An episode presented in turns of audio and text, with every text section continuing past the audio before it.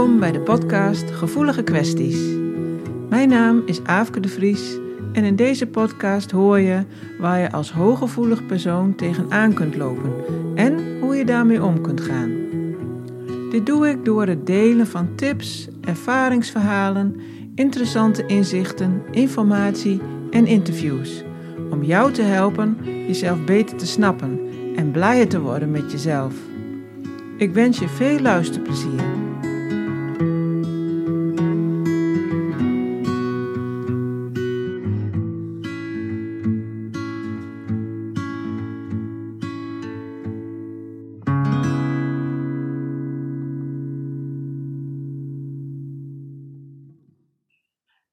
Keer heb ik een gesprek met Suzanne van Schijndel en zij is minimaliseercoach. Ik kwam haar tegen op Instagram en ik zag dat het ook ging over het verminderen van prikkels. Dus ik raakte wel geïnteresseerd. Ik heb haar gevraagd of ik haar mocht interviewen en ze zei meteen ja. En nu is het zover. Welkom Suzanne. Ja, hartstikke leuk. Eh, bedankt voor de uitnodiging. Altijd leuk om uh, te praten over uh, prikkelvermindering en mensen meer leven terug te geven, zeg maar eigenlijk. Hè? Ja, precies. Dus, um, maar ik zei dus al minimaliseercoach. En ik denk dat uh, niet iedereen precies weet wat dat nou is. Dus misschien kun je daar eerst eens iets over zeggen. Het zal natuurlijk heel veel zijn, maar uh, ja, ja. moet je het ook minimaliseren. ja, dat, dat vind ik nog wel lastig hoor. Ik ben heel goed in uh, minimaliseren in huis, maar uh, qua verhaal, dat, dat, is bij mij altijd wel meer. Um, ja, wat is minimaliseercoach eigenlijk? Ja, eigenlijk heb ik dat zelf bedacht. Minimaliseercoach, de term, omdat ik vond dat opruimcoach zeker niet de, de lading dekte. organizer ook niet, want ik kom zelf van heel veel spullen en chaos af. Uh, heel veel overprikkeling in mijn huis. En uh, ik ben echt gaan minimaliseren. Dus minder spullen. Kijken wat ik echt belangrijk vind in mijn huis en in mijn leven. Maar ook systemen bouwen uh, waardoor het opgeruimd blijft. Want ik heb helemaal geen zin om elke keer met al die spullen bezig te zijn. Ik wil gewoon mijn leven kunnen leven en leuke dingen kunnen doen. En maar ook heel veel kijken hoe je de overprikkeling in je huis kan verminderen. Want dat gaf mij heel veel visuele onrust en overprikkeling in mijn hoofd. Ja, precies. Dus, dus daar is het mee begonnen. Eigenlijk, Ja. het is begonnen met vooral, uh, nou, laten we zeggen, de chaos in je huis. Ja, zeker. Ja, ik, ik heb altijd al te veel spullen en chaos om me heen gehad. Maar ja, als ik een verjaardag had, kon ik het heel netjes opruimen, maar nooit opgeruimd houden. Uh, en toen ik twee uh, jonge kinderen kreeg, toen uh, ja, werd de chaos echt compleet. Want ik kon gewoon niet meer de ballen hoog houden. Het was gewoon te veel geworden.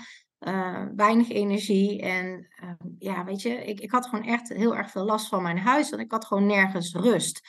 En um, toen kwam ik er ook achter dat ik hoogsensitief was. Uh, dat, dat viel toen bij een therapeut. En een chaotisch en creatief brein heb. Dus ook ADD-achtige dingen. Ik ben niet van de labels, maar goed, dan weet je een beetje welke hoek je het moet zoeken qua overprikkeling. Um, en in de HSP-hoek uh, zit ik op de HSS-variant, dus de High Sensational Seeker. Want ik dacht, ja, maar ik zoek wel prikkels op, dus hoe kan dat dan? Um, en daar kwam ik toen achter. Maar ja, mijn huis was echt wel een bron van irritatie. Dus ik ben in eerste instantie voor mezelf begonnen daarmee. Alleen het lukte me niet. Ik dacht, ja, dat ligt aan mijzelf. En bij mijn ouders waren altijd heel veel spullen. En bij mijn oma. En ik dacht, ja, het zal wel in de genen zitten. En iedereen kan dit behalve ik, want ik ben nou eenmaal chaot. Um, maar dat bleek dus niet zo te zijn, want ik heb uiteindelijk heel veel geleerd over het brein, hoe overprikkeling werkt, hoe hoogsensitiviteit werkt. Uh, en daar heb ik een eigen methode op ontwikkeld, waardoor het mij wel gelukt is. En anderen zagen dit ook. En die vroegen, hoe heb je dit gedaan? Want uiteindelijk zijn we ook naar een tiny house gegaan, hebben 2,5 jaar gewoond met ons gezin. En mensen wisten dat ik heel veel spullen had en heel veel chaos. En zeiden, hoe heb je dat losgelaten? En toen heb ik daar mijn methode in gedeeld. Maar ook zijn we op wereldreis geweest met alleen handbagage, vijf maanden lang. En toen zeiden mensen, hoe doe je dat dan? Wat neem je dan mee? Wat is dan echt noodzakelijk? Um, en daar heb ik uiteindelijk mijn beroep van gemaakt. Omdat ik nu alle andere dames en vooral hoogsensitieve uh, vrouwen uh, vooral uh, help met ook rust in hun huis te krijgen. Waardoor ze echt een plek hebben van, om te kunnen opladen.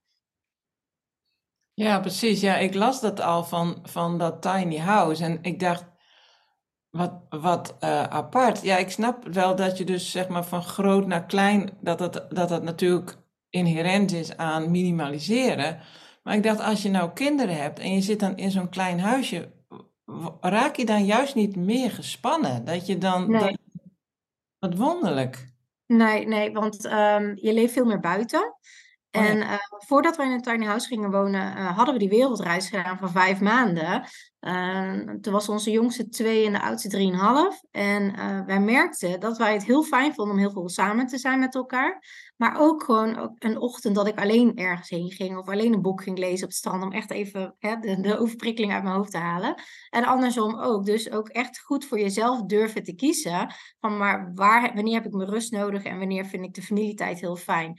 Um, en wij hebben de tiny house niet zozeer gekozen om het kleine, maar meer van wij wilden van die vaste lasten af. Um, en we wilden gewoon heel snel um, minder financiële druk hebben, waardoor we meer tijd vrij hadden, waardoor we ook niet zo'n druk hadden van ja, je moet werken en je moet veel uren maken. En, want dat paste totaal niet bij wat ik echt uh, fijn vond en wat ik wilde ook.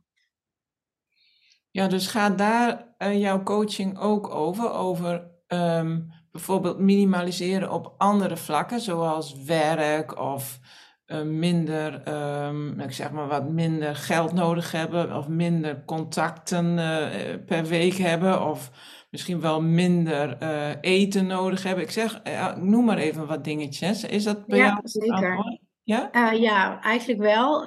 Want het begint altijd met de spullen. Mensen stappen bij mij vaak in mijn programma's. Ik heb losse videocoaching calls. als het echt om het fine-tunen gaat of om die systemen of een paar dingen waarvan ze zeggen: ja, ik loop hier constant op vast. Ik weet niet waarom ik het niet los kan laten. Of echt mensen die in mijn drie maanden programma stappen, dus voor langere tijd met mij samenwerken. En ze komen eigenlijk altijd voor de spullen, maar het gaat uiteindelijk veel dieper dan dat. Want als je je bewust wordt van wat wil ik eigenlijk in mijn huis, dan is het vaak 1 en 1 is 2. En dan gaan ze nadenken, ja, maar um, waarom heb ik weinig tijd in mijn huis? Komt het omdat ik te veel werk? Past de baan überhaupt nog wel bij mij? Waarom heb ik weinig energie? Doe ik eigenlijk wel wat ik leuk vind? Um, waarom koop ik zoveel spullen? Omdat ik een leegte te vullen heb. Waarom is, zit die leegte? Dus er zitten zoveel lagen onder, uh, waarvan mensen zich niet eens bewust zijn als ze hiermee beginnen. Maar op het moment dat jij um, ja, zeg maar steeds getriggerd wordt door je spullen. Want dat is wat er gebeurt. Er zitten overal verhalen aan. Aan, aan een vaas, aan een beeldje, aan wat. Dus um, dan, dan probeer ik erachter te komen met de klant zelf. Van, goh, wat voor een trigger zit er voor jou aan? En is het een positieve uh, ervaring, een negatieve ervaring of een neutrale ervaring? Want je kan je voorstellen dat als jij een vaas van je tante hebt... en vooral als je bijvoorbeeld hoogsensitief bent... komt alle emoties veel sterker binnen dat als jij daar langs loopt en jij denkt terug aan die fase van, van, bij je tante op tafel, maar je tante is veel te vroeg gestorven en eh, daar word je verdrietig van. Elke keer als je langs die fase loopt, neemt je brein dat waar en triggert dat de uh, herinnering, wat een emotie triggert in het nu. En in het nu voel je je zo. Dan maak je weer uh, keuzes op op basis van hoe je je nu voelt voor de toekomst. Dus het heeft zoveel effect op alles. En het, het is gewoon letterlijk een ballast die je tegenhoudt in het leven te leven wat je echt wil hebben. Want als jij overprikkeld thuiskomt van je werk, uh, dan uh, heb je eigenlijk rust nodig. Maar als je altijd dingen waarneemt om je heen, kom je niet tot die rust. Kan, kan gewoon niet. En op het moment dat je dat weg hebt, dan heb je ook je rust. En uh, ook in tijd, wat je net zei, wij kwamen er bijvoorbeeld achter. Ik heb een keer echt wel ruzie met mijn man gehad nadat wij naar een verjaardag waren geweest de zoveelste, dat ik zei, ik word er helemaal gek van. Ik praat niet eens met de mensen waar ik voor kom, want die zijn aan het rennen voor drinken en eten taart. Ik zit bij mensen waar ik helemaal geen klik mee heb, die alleen maar een beetje over het weer gaat. En ik weet niet of dat voor iedereen uh, zo geldt, maar ik vind het best fijn om uh, ja, gesprekken te voeren die ergens over gaan, zeg maar. En die, die verjaardagen deden dat niet voor mij.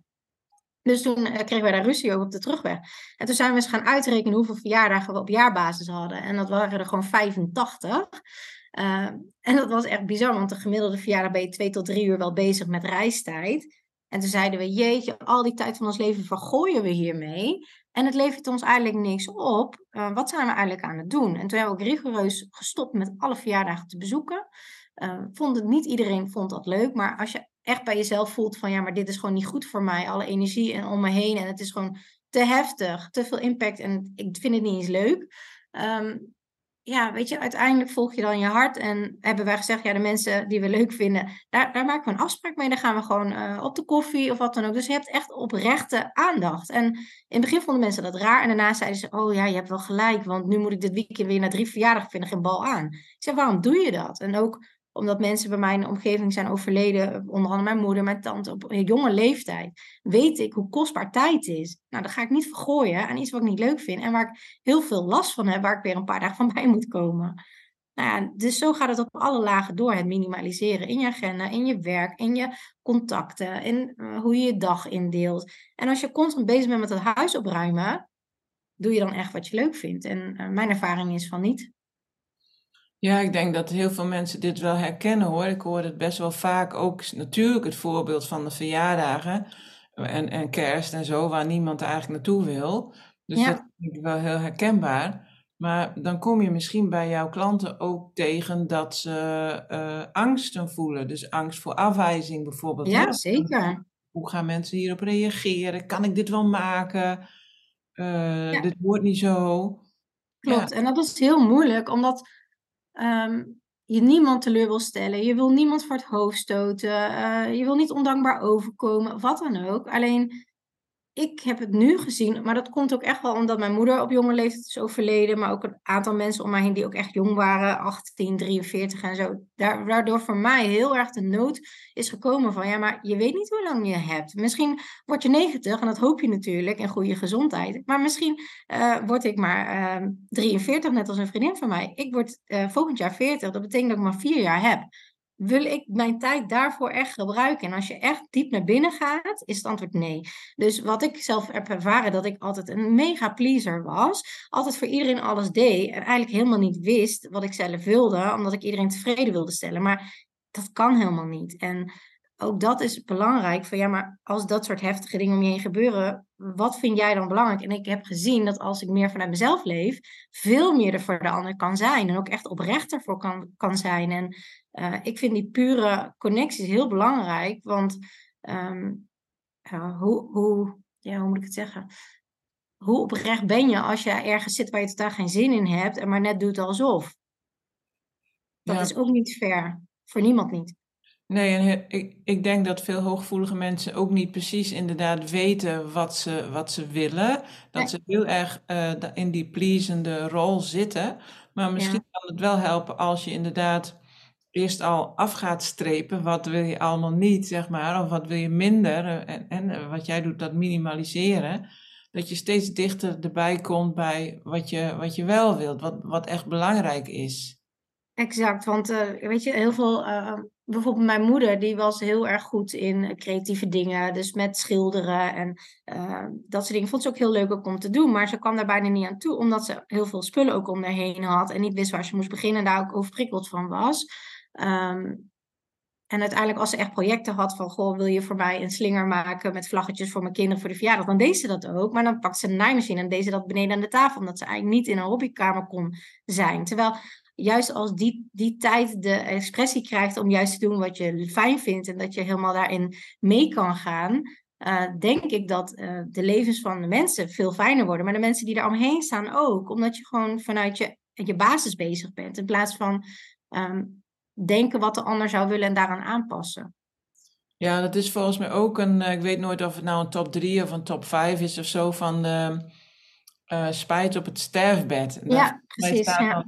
Daar staat ook in, ik weet nooit of dat nou eerste of tweede plek of zo, maar in ieder geval staat in, daar in die top drie van dat ik niet, het, uh, uh, dat ik niet heb gedaan wat ik zelf wou. Of, en dat ik niet, heb, niet genoeg tijd heb doorgebracht met de mensen die, mij het, de, ja, die, die ik het leukst vind, zeg maar, waar ik het meest van hou.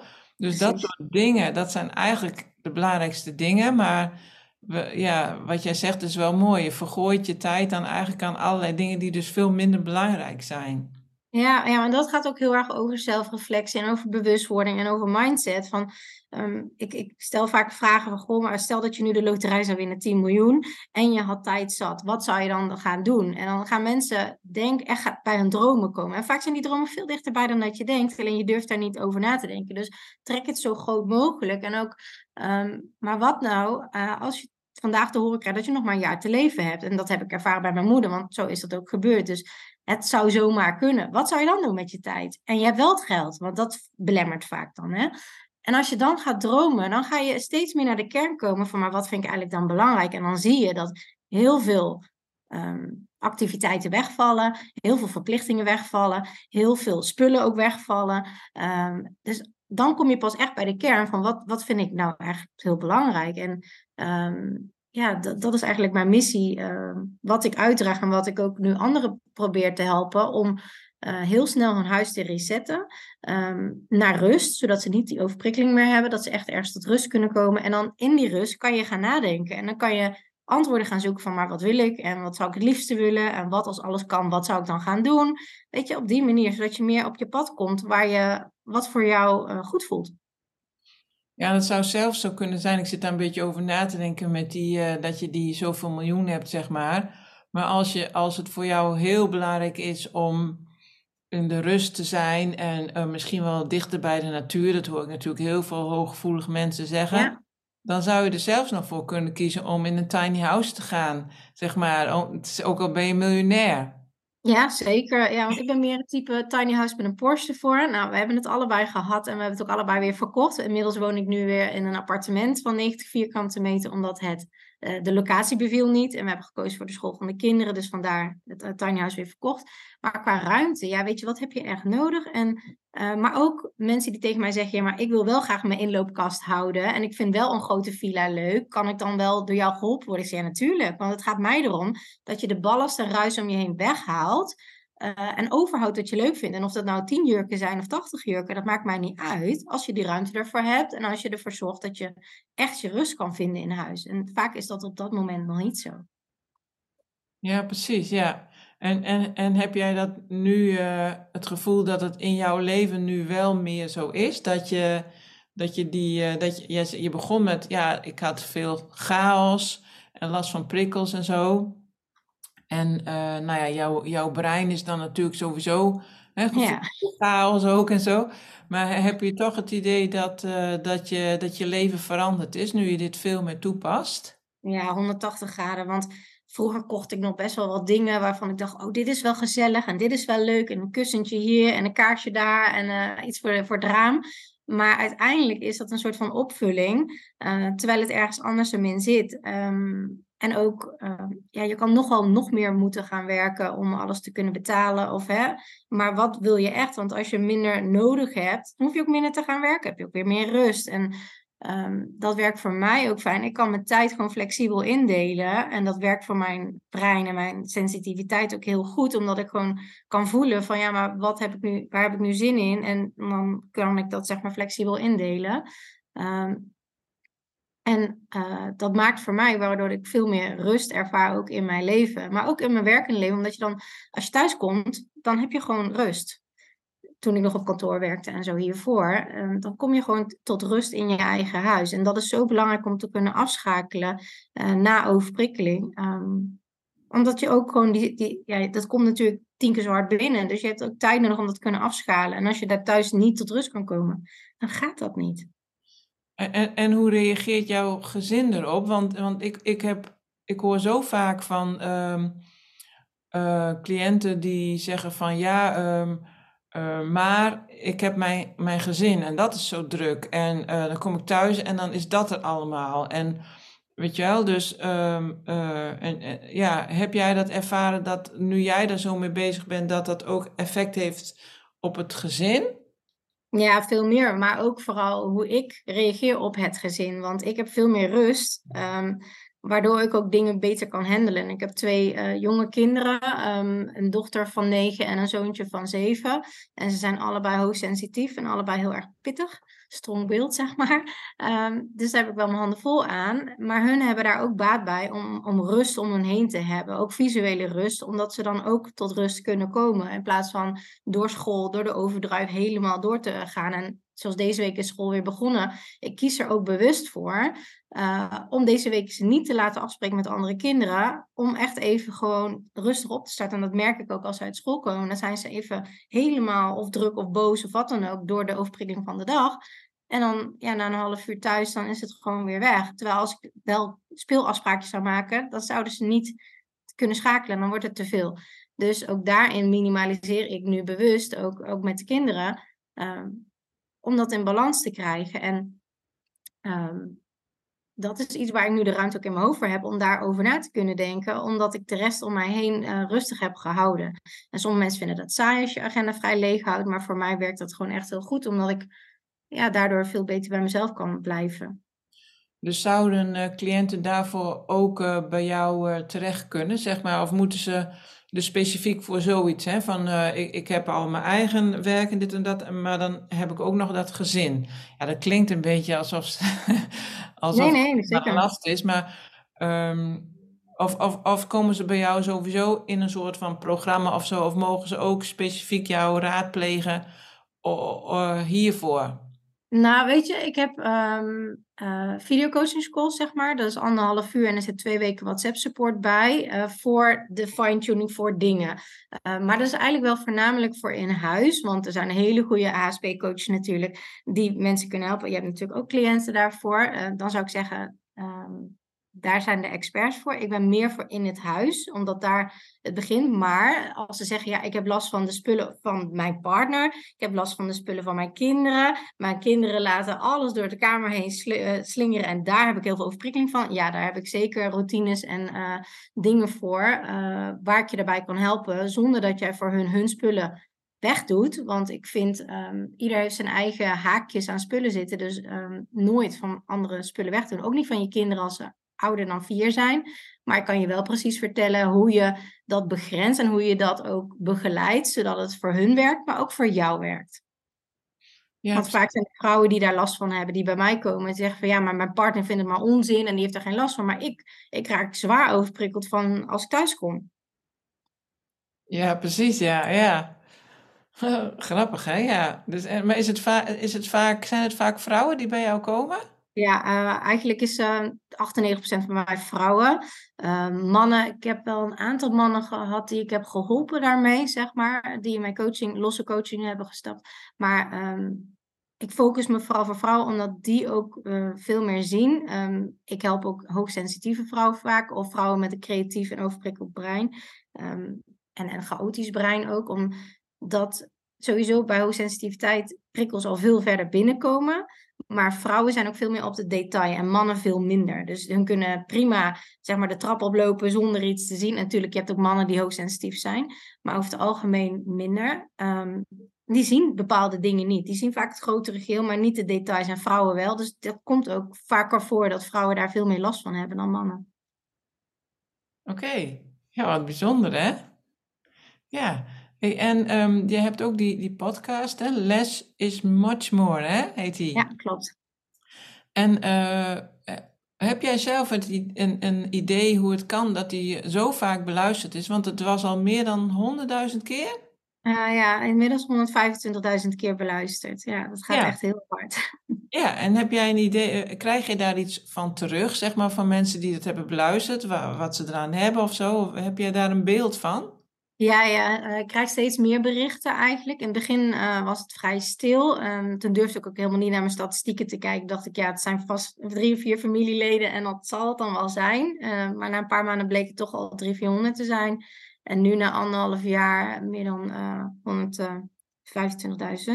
En mensen die sturen mij uh, berichtjes en dan zeggen ze: Goh, uh, ik kan nu in de tuin zitten en ik kan met mijn kinderen spelen, uh, omdat ik de tips heb toegepast die jij in de podcast deelt. je hebt bepaalde mindset vragen aan mij gesteld, waardoor ik ben gaan nadenken. Ik heb mijn baan opgezet, dat soort dingen. Dat ik denk: wow, het heeft heel veel ripple effect en dat heb ik helemaal niet door, omdat ik, ik zie de getallen wel, maar ik zie de personen er niet achter. Dus ik vraag ook heel vaak: stuur even een DM via mijn Instagram of stuur even naar een e-mail wat je eruit hebt gehaald, zodat ik het, ik vind het gewoon echt heel fijn om te weten wat iemand eruit heeft gehaald. Um, ik heb wel eens een tip gedeeld over de gang. Hoe je de gang rustig inricht, waardoor je geen overprikkeling ervaart meteen als je binnenkomt. Want eh, heel vaak gaan, gaan mensen, en dat heb ik zelf ook heel vaak gedaan, uh, ik ging het zoeken, de rust in de yoga, in meditatie, in de sauna, in wandelen.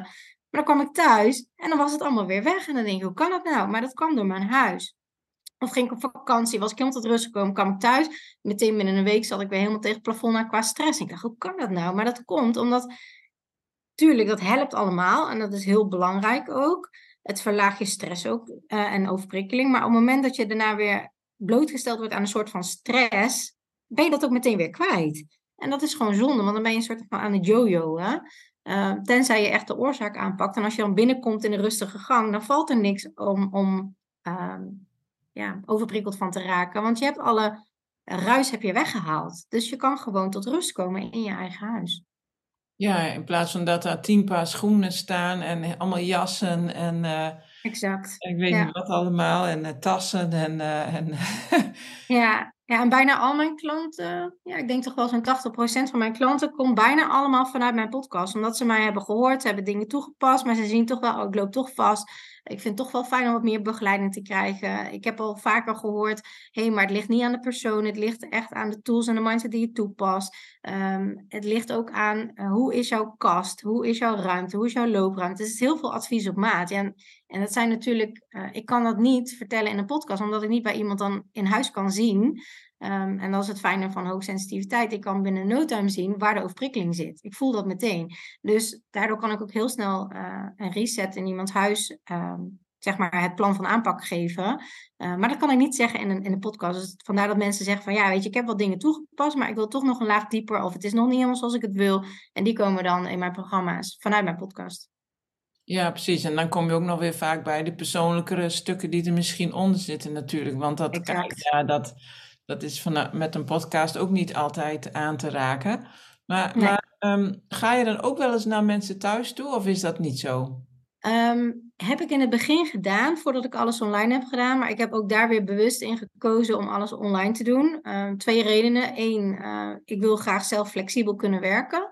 Uh, waar ik dan ook ter wereld ben, want ik hou heel erg van reizen. Dus uh, vorig jaar waren we op vakantie en dan kan ik gewoon doorwerken of een Q&A doen. Dus dan ben ik daar niet in beperkt.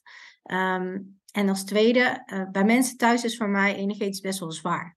Dus vaak als ik thuis kwam, had ik hoofdpijn. Of, en natuurlijk, ik ben me steeds beter leren afsluiten. Maar toch vond ik dat best wel heftig. En daarnaast, ik ben iemand die heel erg van aanpakken is. Dus ik ga dat ook vaak um, onbewust ook meteen meehelpen en doen. En dat vinden mensen heel fijn. Alleen ik wil juist, uh, zeg maar, iemand geen vis geven, maar ik wil iemand leren vissen. Want het heeft geen zin dat uh, als jij, um, uh, dat ik het voor jou doe, dat jij als jij een nieuwe kast koopt, niet weet wat je, hoe je het moet inrichten, hoe je een systeem moet bouwen, zodat het opgeruimd blijft. Als je gaat verhuizen, dat je het niet weet. Dus het zijn echt skills die je moet leren, zoals zwemmen. Als je het eenmaal weet, vergeet je het nooit meer. En dat is wat ik, zeg maar, ook bewust ook doe via afstand, omdat mensen het dan ook echt zelf doen en doormaken en uh, met alle handvaten en alle begeleiding vanaf mij. Dus het is wel heel makkelijk en fijn. Alleen hun gaan door het proces heen. En ik leer ze de tools daarbij. Ja, precies. Ja. Dus het is niet zo dat je dan zelfs nog met camera van de microfoon dat ze, dat ze hun huis moet, van de, van de computer dat ze hun huis moeten laten zien. Dat hoeft dus niet. Je hoeft, jij hoeft nee, als ze, dat, als ze dat niet willen, niet. Uh, maar vaak doe ik dat via WhatsApp bellen. En uh, vanmorgen had ik ook een coaching. En dan, uh, ja, dan loopt bijvoorbeeld die klant van vanmorgen loopt dan door de kamer heen. En zij had vooral heel veel fine-tuning. En dan zegt ze, nou, deze kast, ik, ik weet het niet. En dan zie ik heel snel, oh, er zit niet meer ruimte in. Als je die plank wat lager doet en die plank wat hoog, heb je weer een extra plank erbij. Als je het op een bepaalde manier opvouwt, dan heb jij veel meer visuele rust. Oh, ik zie daar en daar nog overprikkeling. Als je dat weghaalt, dan zie ik het. Dan kan ik ook meteen advies op maat geven. Maar ja, soms bij Q&A's zijn er ook mensen die zeggen, ja, ik wil niet dat de groep het ziet. Dan hoef je het niet te laten zien. Weet je, dus dat is echt gewoon persoonlijk keuze wat, wie wat wil. Ja. Oh, wat grappig. Goh, ja, dus eigenlijk uh, heb je al heel wat uh, inrichtingen gezien. Ja, ja, heel veel. En dat is ook fijn dat mensen ook eerst mijn podcast hebben geluisterd. Want ze hebben gehoord dat ik heel veel chaos had. Dat ik de gordijnen dicht hield. Dat ik dacht, als mensen nu langslopen, mogen ze dit niet zien. Dus want dat is vaak, er zit een soort van schaamte of van ja, weet je, er zit rommel en vervelend. En ik heb, ik heb ook best wel wat vrouwen die zijn ook echt wel hoog opgeleid. En die zeggen, ja, ik, ik kan alles supergoed, maar mijn huis kan ik niet goed bijhouden. Hoe kan dat nou? Um, daar schamen ze zich dan voor. En ze weten bij mij, ze hoeven zich nergens voor te schamen, want ik had zoveel chaos. Ik ben alles wel gewend en ik heb, ik heb het ook zelf ervaren. Ik weet hoe het is. Dus dat maakt ook dat je veel, veel uh, meer vertrouwensband hebt. Van ja, weet je, ik laat het wel zien, want jij bent het toch wel gewend. Of je hebt het toch zelf ook gehad. Ja, dat, ja, dat is altijd mooi. Hè? Dat vinden mensen ook heel vaak fijn. Dat je zelf ook uh, ja, ervan weet of het hebt meegemaakt of wat dan ook. En heb je daar ook nog foto's van dat je die wel eens laat zien, zeg maar? Van kijk, zo zag mijn huis eruit, of niet? Ja, ja ik, heb, ik heb er een aantal, maar ik heb er helaas niet zoveel. Want toen de tijd schaamde ik me er ook heel erg voor. En mijn eigen minimaliseerreis was eigenlijk puur voor mezelf. En daarna is dit eruit gekomen, zeg maar. Want ik zeg nu wel eens tegen klanten, of als ik uh, webinars geef, dan zeg ik wel eens van, joh, ik had gewild dat ik daar overal foto's van had gemaakt. Dan had ik je alles laten zien. Maar ik heb nog wel een aantal foto's die echt wel ernstig zijn. Ja, die laat ik dan zien, maar ik heb maar een aantal. Uh, de rest helaas niet meer. Dus uh, ja, dat was echt wel, uh, wel heftig, ja. Gewoon, wat een mooi verhaal. Het is wel bijzonder hè, dat, je, dat je eigenlijk van je eigen proces nu uh, je werk hebt kunnen maken. Want wat deed je daarvoor? Dit was, dit was niet jouw originele plan. Nee, nee, nee. Nou ja, ik heb heel veel verschillende dingen gedaan. Uh, van administratie uh, tot toerisme. Ik heb een paar jaar in het buitenland gewerkt. Op kantoor heb ik gewerkt. Ik heb uh, eh, uh, BHV-trainingen gegeven, EHBO-cursussen. De lesgeven vond ik superleuk. Alleen ja, de EHBO en zo was totaal niet mijn ding. Maar ik wilde graag dat mensen leerden ook om anderen te kunnen redden, zeg maar. Um, nou ja, dat soort dingen. Dat heb ik uh, een eigen bedrijf ook in gehad, zes jaar lang. Maar op een gegeven moment was ik op wereldreis. En toen, als je echt letterlijk afstand neemt, daarom vind ik reis ook fijn, kwam ik er echt achter van, maar dat wil ik eigenlijk helemaal niet meer. En ik vind de groepen heel fijn, ik vind de mensen heel fijn. Maar wat het, op ja, het um, onderwerp vind ik niet fijn. Dus uh, daar ben ik ook na de wereldreizen rigoureus mee gestopt. En um, ja, dat kwam ook op dat moment wel goed uit. Want toen wilde ik een foodtruck starten met biologische fruitijsjes. en dat heb ik ook nog gedaan een tijdje voor festival en uh, kinderfeestjes. Um, maar ik had het eigenlijk afgesproken om dat met mijn moeder samen te doen. Die zou dan voor de kinderen zorgen en dan zou ik daarheen gaan. Alleen mijn moeder werd toen ernstig ziek uit het niks. En die overleed na een paar maanden. En daarna ben ik heel diep een rouwproces ingegaan. Waardoor alles eigenlijk stil heeft gelegen. En in dat rouwproces heb ik echt wel mezelf echt wel gevonden. En ook leren ook om met mijn hoogsensitiviteit om te gaan. En de, mijn chaotische brein. Ja, weet je, het is nu klaar. Ik moet nu echt voor mezelf gaan kiezen. En wat wil ik? Want daardoor kan ik veel meer ook voor de rest gaan geven. En um, dat heeft voor mij heel veel in gang gezet. Mooi. Nou, dank, dank je wel voor het delen van dat uh, persoonlijke stuk. Mooi hoor. Ja, want dat zit er vaak achter. En dat is ook vaak als ik met andere ondernemers spreek, dan vraag ik altijd: Goh, waarom ben je dit gaan doen? En wat is je drive erachter? En ja, dat is natuurlijk ook wel het invoelende. Maar um, ja, er zit altijd een reden achter waarom je doet wat je doet en waarom je andere mensen wil helpen. En um, ja, ik denk vooral met hoogsensitieve uh, mensen en coaches, wat jij ook doet, ja, is toch om mensen wel um, ja, een soort van hun leven terug te geven gewoon echt een leven te laten leven ook. Ja, en vooral die uh, zelfacceptatie en zelfwaardering ook. Ja, ja, dat ontbreekt heel veel. Dus uh, ja. Ja, want dat is met zelfliefde ook. En daar kwam ik zelf ook achter, omdat ik altijd iedereen pleasde. En als mensen dan, bijvoorbeeld mijn uh, schoonzus, die had dan kleding uitgezocht. En dan zei ze, oh, misschien kan jouw dochter dat nog wel gebruiken. En dan kreeg ik twee van die grote shoppertassen vol. En ik durfde dan geen nee te zeggen. Dan dacht ik, ja, ik en anders dan ja, kom ik heel ondankbaar over. En het is hartstikke lief van haar. Maar uiteindelijk, ik had helemaal geen tijd om het uit te zoeken. En na een tijdje stonden er gewoon vier tot zes tassen. En werd het gewoon steeds meer. En ik wist niet meer wanneer ik moest gaan uitzoeken. En het werd dus veel, veel meer ballast. Want wat vaak vergeten wordt, ook al krijg je dingen gratis, is dat je het toch moet gaan verwerken. Of kiezen, of daarna weer naar de kringloop brengen, of daarna weer wegbrengen. En ik had dan niet gevraagd van als ik klaar daarmee ben, wil je het dan terug? Waardoor ik op een gegeven moment niet meer durfde te vragen van ja, uh, wil je het terug? Met andere woorden van oh, ik wil niet alles hebben. Dat vond ik dan weer heel ondankbaar. Waardoor ik mezelf zo klem zette en zelf daar heel veel last van had. Terwijl uiteindelijk ben ik echt geshift naar, ik ga het gewoon helemaal op mijn manier doen. En um, ja, dan zien we het wel. Maar ik vind de puurheid en oprechtheid veel belangrijker. En toen zeiden mensen ook van, oh nee, tuurlijk, doe maar gewoon door. En geef maar aan iemand anders die het goed kan gebruiken. Waardoor ik wist, oké, ik ben ermee klaar. Het kan meteen weer mijn huis uit. En, en dat soort kleine dingen heeft heel veel te maken met zelfliefde. En wat vind jij belangrijk? Ja, en dan kom je erachter dat mensen het vaak helemaal prima vinden. Hè? Als je duidelijk ja. bent in wat je wel of niet wilt. Dus... Uh en je denkt vaak heel veel, hè? En, en dat is het. Want wij gingen trouwens, kreeg ik een Boeddha-beeld van uh, iemand. En wij, wij vonden Boeddha's leuk. Alleen dat Boeddha-beeld vond ik echt heel lelijk. Maar ik heb het toch aangenomen. En drie jaar lang heb ik er tegenaan gekeken. En elke keer als we een verjaardag kwamen, uh, of toen gaven we nog wel verjaardag of visite, dan zette ik dat Boeddha-beeld weer naar voren. Want dan dacht ik, ja, dan zien ze het. En dat was natuurlijk van de gekke als ik nu terugdenk. En na drie jaar dacht ik, ja, maar ik wil het gewoon weg, want we willen het anders het huis inrichten. En toen zei ik van, goh, dat Boeddha-beeld, zou je dat terug willen hebben? Had ik echt heel veel moed voor verzameld om dat te vragen. En toen zei ze daarna, wat? Welk beeld? En toen dacht ik, oh, ze weten niet eens meer en ik heb er zoveel last van gehad. En weet je, dat soort dingen, dat moet je wel aan durven gaan voor jezelf uiteindelijk. Anders sta je eeuwig tegen spullen te kijken die je hebt gekregen, die je helemaal niet, niet fijn vindt, wat enorm je energie omlaag trekt. En je, en je, ja, je, je frequentie, zeg maar. Ja, ik denk dat heel veel mensen dit herkennen, ja. Leuk. Hey, en um, uh, waar kunnen mensen uh, jou vinden? Uh, ik zet natuurlijk even dat onder de, onder de podcast ook. Oh, maar... heel fijn, ja. Ze kunnen mij vinden op Instagram bij de Minimaliseercoach.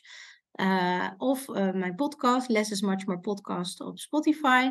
Um, ja, ik doe eigenlijk bijna alles via Instagram, dus Facebook doe ik eigenlijk niks mee. En mijn website uh, www.deminimaliseercoach.nl. Ja. Als je vragen hebt, laat maar weten, dan uh, kijk ik even met je mee. Nou, super.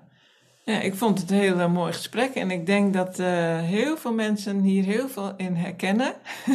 ik in ieder geval wel. Dus nou, heel erg bedankt dat, je, dat je dit allemaal wou delen. Ja, jij ook bedankt. En ja, heel mooi ook wat jij doet. En uh, ga er vooral mee door, zodat er nog meer mensen echt hun leven kunnen gaan leven. Ja, dankjewel. Ga ik doen. Dankjewel.